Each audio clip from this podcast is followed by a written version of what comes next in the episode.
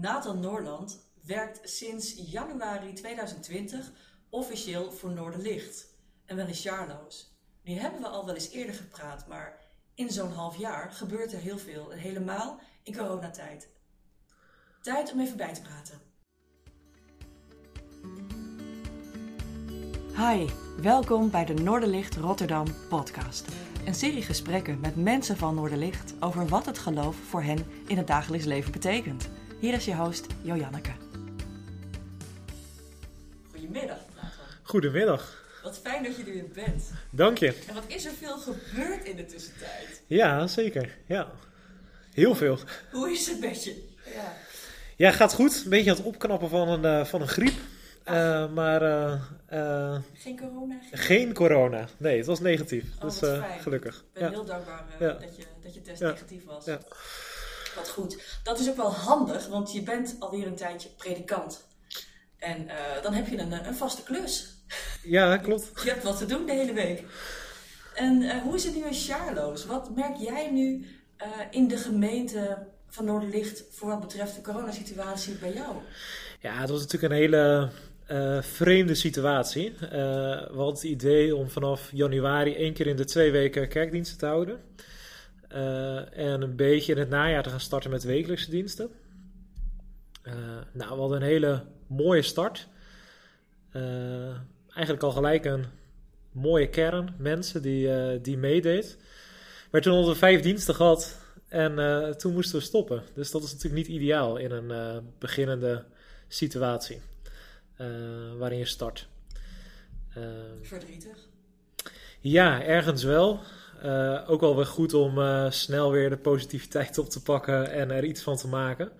Eh, maar het is niet het ideaalbeeld. Als een soort van gallië ging je toch door? Op een bepaalde manier? Of hoe heb je dat opgepakt? Ja, we zijn eigenlijk direct digitaal gegaan. Dus videodiensten opgenomen elke week. Toch geprobeerd om via WhatsApp, mail, bellen in contact te zijn met de mensen die, nou, waar ik een lijntje mee had gekregen. Dat ging goed. Eh, dat was mooi. Kun je mee video bellen, je kunt gewoon bellen. eh, spraakberichtjes, gewone berichtjes. Het is eigenlijk ideaal. Ja. Zeker de eerste maanden was dat wel eh, de manier om kerk te zijn. Ja, Ja. een beetje een karige vorm, maar het was niet anders. Ja, en op een gegeven moment werden de maatregelen wat meer ver- eh, wat losser. En toen mochten er weer kerkdiensten zijn. Kwam iedereen toen in één keer weer terug? Nee, eerste diensten die werden een beetje bezocht tussen de nou, 60 en 90 mensen kwamen er elke keer wel. En eh, na de lockdown, toen we nou, in juli eigenlijk best wel weer op volle kracht mochten beginnen, wel op afstand natuurlijk, maar eh mochten toch alweer met eh, een flinke groep mensen in de kerk zitten, kwamen er wel minder mensen. Een beetje variërend tussen de 25 en 50 mensen. Eén doopdienst gehad met een piek eh, waar wel meer mensen kwamen. Maar er kwamen wel meer, minder mensen. Ja. Komt ook wel denk ik door de vakantietijd. Ja, de vaste kern bleef wel komen, dus dat is mooi. Eh, ja, en vanaf, eh, vanaf nu natuurlijk weer naar 30 mensen. Ja. Dus het is, het is elke keer niet echt... Ja, het eerste jaar wil je echt bouwen. Maar het bouwen op de oldschool manier, dat, dat is een beetje lastig. Het vergt creativiteit. Dat vergt creativiteit, En klopt. hoe doe je dat? Nou, toch ook wel weer. eh, we hebben bijvoorbeeld een eh aftertalk. Elke keer na elke dinsdag na de kerkdienst. Dus waar we via Google Meet online eh, napraten over de dienst. Dat loopt best wel leuk. De kringen zijn wel weer begonnen in eh Sjalo's. Dus in kleinere groepen komen mensen samen. Ook dat is kerk zijn. En we zijn nu dus begonnen met een, met een livestream via YouTube. Ja, eigen kanaal. een eigen kanaal via Noordlicht Sjalo's. Eh, wat ook leuk is en ook goed is. eh, zodat we toch met een groep van 30 mensen en eh, de bredere schaal daar ook omheen. ja, toch ook de diensten kunnen vieren met elkaar. Ja, ik heb gewoon dezelfde livestream aangelegd. Hoe dan? Ja. Eh, We hebben een heel team. We hebben de podcastaflevering over Ja. gedaan. Hoe verschrikkelijk ingewikkeld dat af en toe was. En jij cheft het. zo ingewikkeld is het helemaal niet. Vertel, wat heb je gemaakt? Nee, ja, het, het scheelt. Ik ben, eh, ik ben ook predikant in een andere gemeente. Daar heb ik twee jaar geleden al de livestream aangelegd. Eh, ik ben daar vooral dorpsdominee. En er zitten best veel oudere mensen in de kerk. En ik dacht bij mezelf, nou, steeds meer oudere mensen hebben een tablet of een uh, televisie waar ze YouTube op kunnen kijken.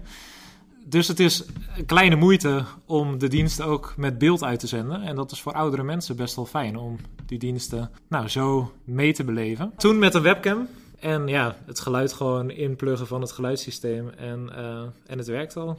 Ja. ja, en het geluid en beeld gelijk laten lopen. Dat is eventjes een uitdaging, maar... Uh, als dat eenmaal loopt, dan loopt het. En eigenlijk ben ik wel benieuwd naar wat voor jou de allergrootste verschillen zijn. Verschillen, ja. Sjaloos is ook ergens ook al een beetje een dorp op zich. Uh, maar het verschil is wel dat ik in Nieuwebrug toch mee oploop met, het, met de hele dorpsgemeenschap. Dus ik heb best veel mensen uh, de, de uitvaarten geleid. Je loopt met mensen op als kinderen geboren worden, als mensen ziek worden. En er zijn altijd wel lijntjes met families. En, dus als ik over het dorp heen fiets, uh, ik fiets altijd. Met één vaste hand. Ja, ik moet, ik moet inderdaad vaak zwaaien. En uh, ik ken veel mensen op het dorp. En uh, dat is in Sjaloos natuurlijk wel anders. Er zitten heel veel mensen toch achter gesloten deuren. Er zijn veel subculturen. Ja, er zitten, er, als je over straat heen loopt, dan uh, kom je Marokkaanse mensen tegen, Surinaamse mensen, mensen van de Antillen. Je komt gothics tegen, je komt hipsters tegen, je komt studenten tegen. Die zitten allemaal in een eigen cultuur. En er is weinig verbinding tussen die groepen. En dat is op een dorp toch anders, omdat het toch een beetje een ons kent ons is. Ja. Meer homogene ja, precies. Ja. En is dat ook binnen bij jullie in Sjaardoos? Wat meer uh, variatie in wat je, wat je van mensen ziet? Nou, op enerzijds natuurlijk wel de, een beetje dezelfde uh, soorten groepen mensen als je ook in Noord ziet. Aan de andere kant zien we ook alweer mensen uit andere culturen binnen uh, komen lopen. Mensen ook uit Oostbloklanden, Oost-Europa. Komen die spontaan binnenlopen? Of kijken ze eerst even op internet? Of ja, of, of via het schoolplein gehoord, bijvoorbeeld via ouders. Van, nou, dat is wel een leuke kerk, misschien moet je daar eens kijken. Uh, dus op heel veel verschillende manieren. Via social media, dat ze erop gewezen zijn of dat ze erop kwamen. Via verschillende manieren werkt de geest. Ja. ja. Um, als je het zo kan inschatten, wat is dan jouw eigen indruk over de verschillen tussen Charloes en Rotterdam-Noord? Ja, kleinschaliger natuurlijk.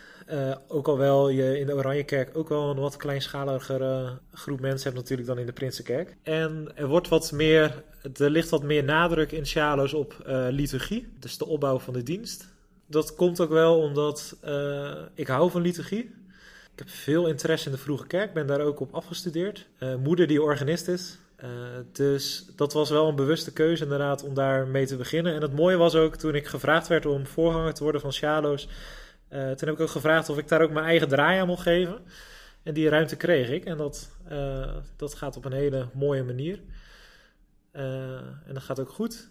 En het verschil is denk ik ook wel dat het toch een iets veel kleurigere groep mensen samenkomt in Sjalo. Zuid is toch in die zin wel anders dan Noord. Iets multicultureler.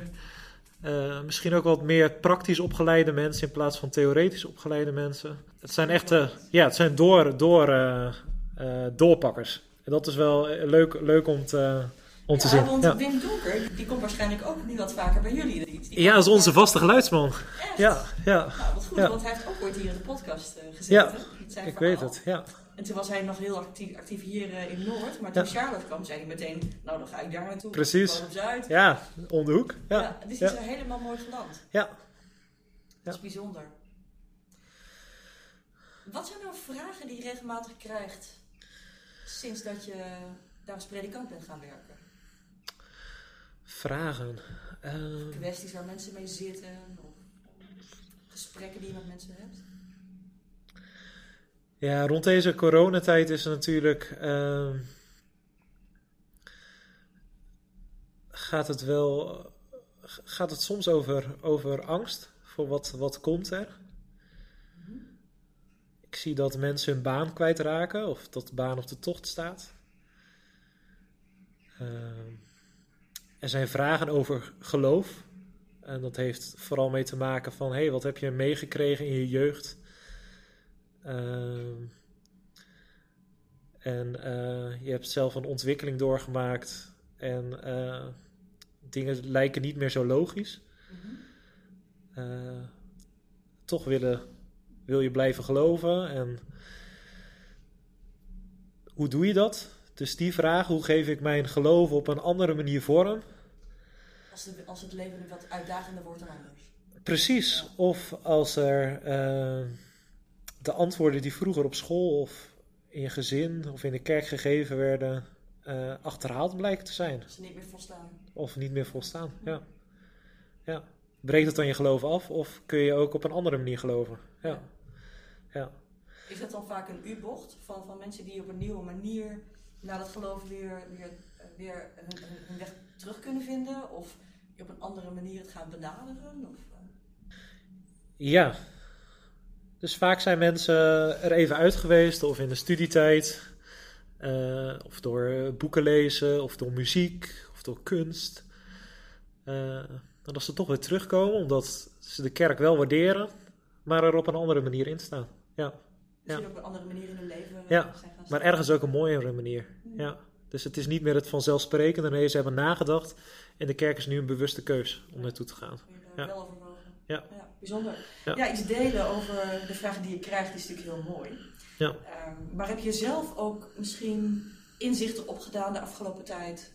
eh, in de tijd dat je bent begonnen bij Noorderlicht, of misschien al wel wat langer geleden? Ik kom zelf ook uit een best wel eh, orthodox nest. En toen ik voorganger werd, had ik best wel een bepaalde mening over, over dingen. Maar ik ben eh, milder geworden en pastoraler. Dus soms kom je er in gesprekken met mensen achter dat het niet zo zwart-wit ligt als je ja, van tevoren bedacht had. Ja. Ik ben genuanceerder geworden, ja. ja en eh, minder op mijn strepen gaan staan. Ja, het, is eh, minder het bewaken van bepaalde grenzen die heel erg belangrijk zijn. Ja. Nou, dat gaat, dat gaat bijvoorbeeld over eh, hoe je nadacht over, over de schepping, het ontstaan van de wereld, wetenschap en geloof. Dat is best een Hoe, dingetje. hoe, kan, dat, hoe, kan, dat, hoe kan dat samengaan? Ja. Eh, maar ook eh, ethische dingen. Eh, dus al gaat het bijvoorbeeld om homoseksualiteit, om euthanasie. Je kunt zeggen van, ik ben er echt fel op tegen, maar verschillende keren in het pastoraat naast mensen gestaan die ondraaglijk aan het lijden waren en daarvoor kozen. Eh, ja, dan ben je alleen maar stil. Ja. En dan hoop je daarnaast te staan. Ja, dus het oordeel is veel meer weggevallen. Mooi. Ja. Goed om te horen. Ja. Ja, en Nathan, eh klinkt als een oude ziel, hè? Maar, eh, Ja, het, Ja. Klinkt, wel, het klinkt wel heel klinkt- oud, ja. ja. Nou ja, valt ook wel mee.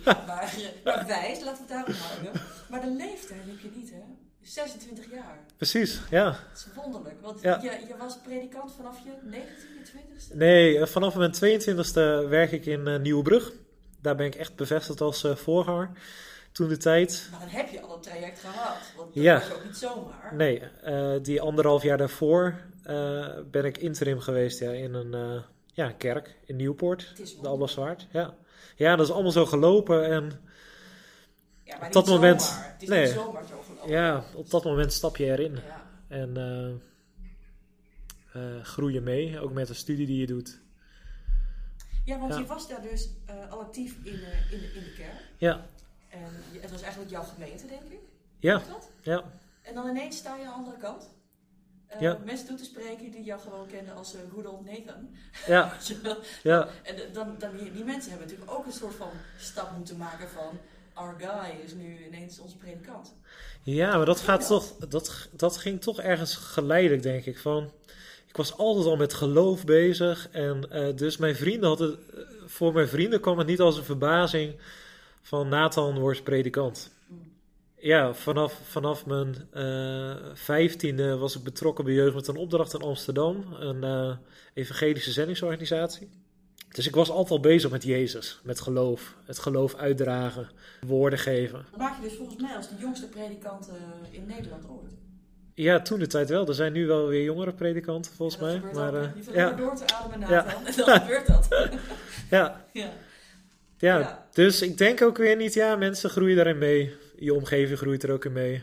Eh, ja, Welke, welke cadeaus hoop je nog te krijgen? Want je hebt nu wat meer nu- nuance gekregen. Misschien ook juist doordat je in een andere stad ook actief bent. Ja. Ehm, ja, je, je, je kan eigenlijk moeilijk bedenken van tevoren welke verrassing je dan nog gaat krijgen. Maar misschien heb je wel bepaalde wensen. Nou, een van de mooiste dingen het afgelopen... Ik ben afgestudeerd dus op kerkgeschiedenis en eh, op de doop binnen de Oost-Orthodoxe traditie. Eh, dat was al in het afgelopen jaar, afgelopen jaren, een heel groot cadeau om dat te ontdekken. Een totaal andere traditie waar we in het Westen weinig mee doen. Eh, maar wel hele mooie antwoorden geeft ook op moderne issues. Mhm. En een van de mooiste dingen was een ecumenisch huwelijk. eh, van eh, Martin, vaste gitarist in, eh, in, in Noorderlicht. Prinsenkerk, maar ook in Sjaloos. Eh, hij eh, trouwde met Marianne. En die is koptisch orthodox. Dus samen met de bisschop en wat priesters eh, mocht ik die trouwdienst doen. En ik hoop wel dat, dat ik de komende jaren nog meer mag groeien in samenwerken en het ontdekken van nieuwe tradities. Ja, Mooi. dat, En misschien wel nieuwe, nieuwe rituelen. Ja, Ja, en eh, over rituelen gesproken. De kerst staat hier voor de deur. ja. Dat is iets waar we ieder jaar zo erg naar uitzien. De kerstnachtdienst. En vertel, heb je ideeën over hoe je de komende periode in Charloes ehm, toch een kerstgevoel kunt geven en daar vormen gaat geven? ja, ik heb een- vanavond hebben we een vergadering toevallig. Eh, ik zit altijd boordevol creatieve ideeën. Kijk, een van de meest oude dingen die de kerk heeft gedaan door de eeuwen heen, is om naast een kerk, en we zijn dat na de reformatie een beetje vergeten, een kerststal neer te zetten.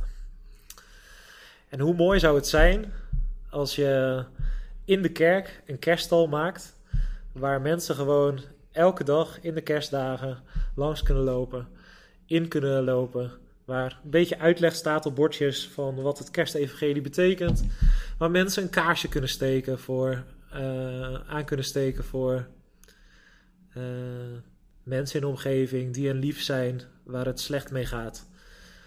Eh, waar ruimte is om te bidden.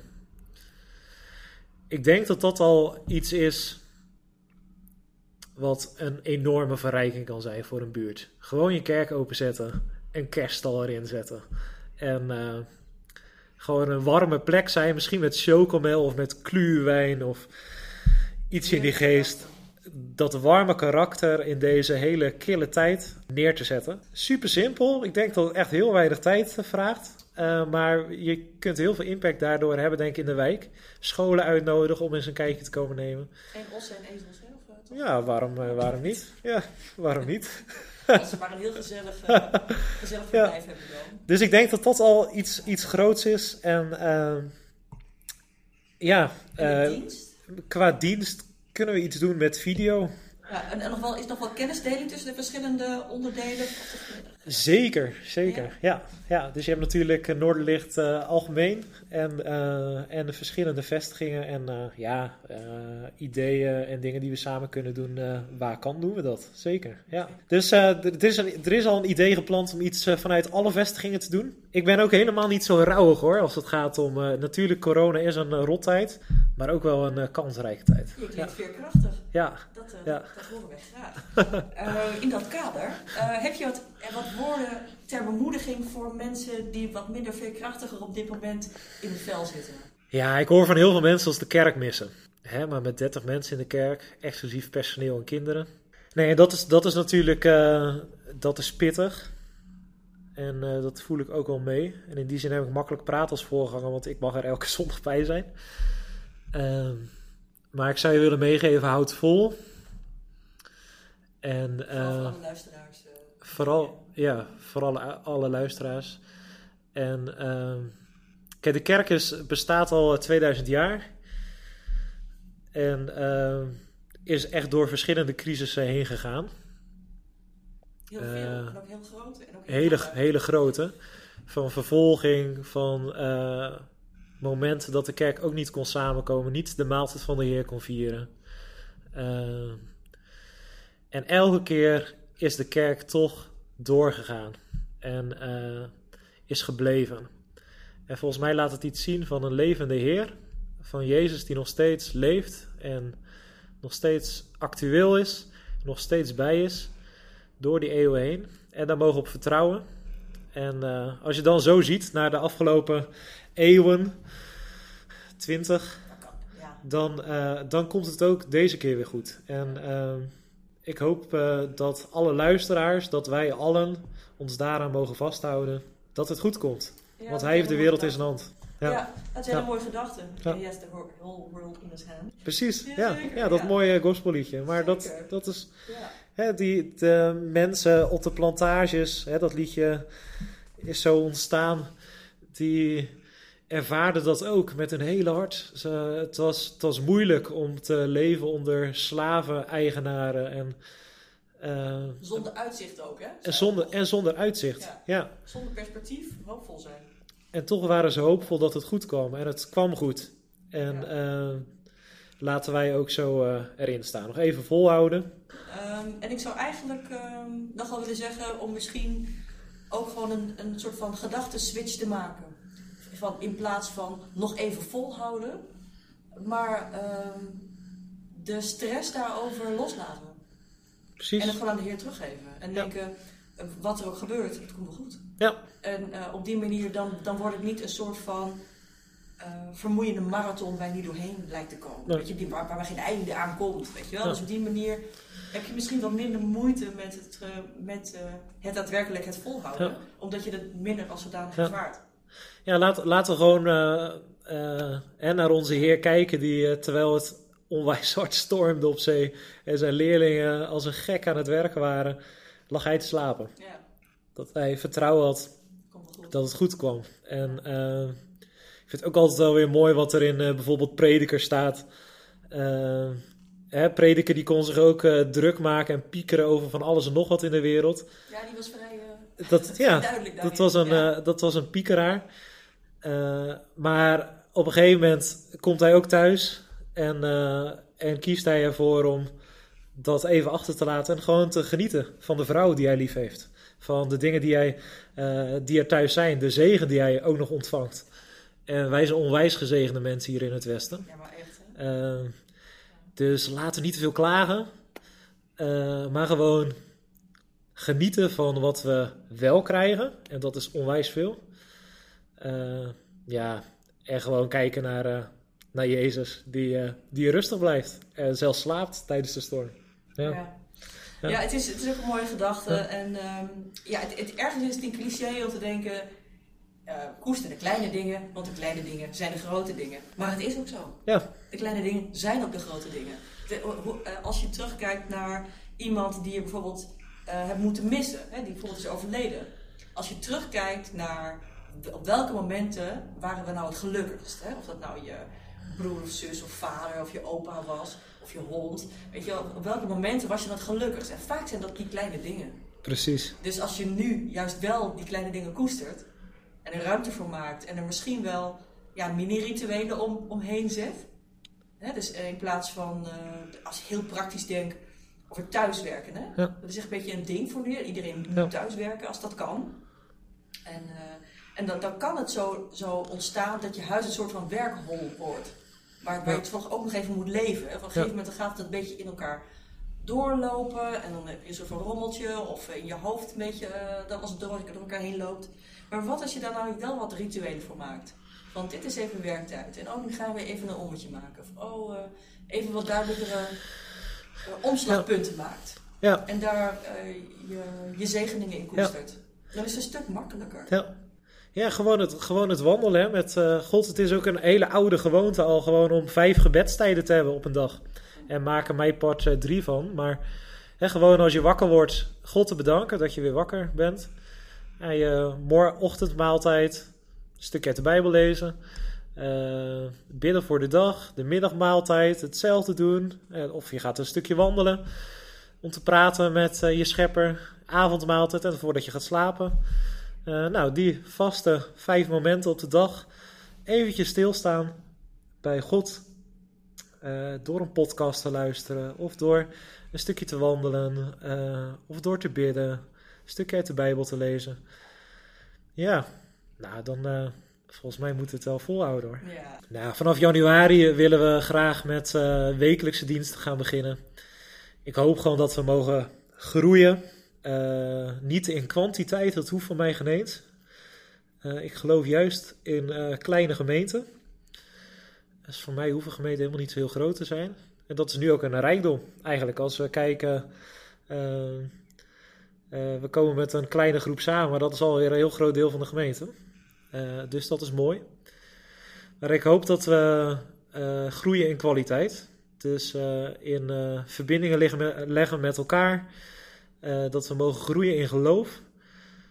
Eh, in het zien van God. Eh, en dat we ook gewoon onze plek mogen. Het zien van God. Ja, zien van God in het leven. In, in grote en kleine dingen. Ja, dat je mag ervaren, mag leren hoe God op je leven betrokken is. En ik hoop dat we gewoon onze plek gaan vinden in de wijk. In de contacten die er zijn met de scholen, eh, met mensen in de wijk, organisaties in de wijk. Ja, Mooi. dat is een beetje mijn wens.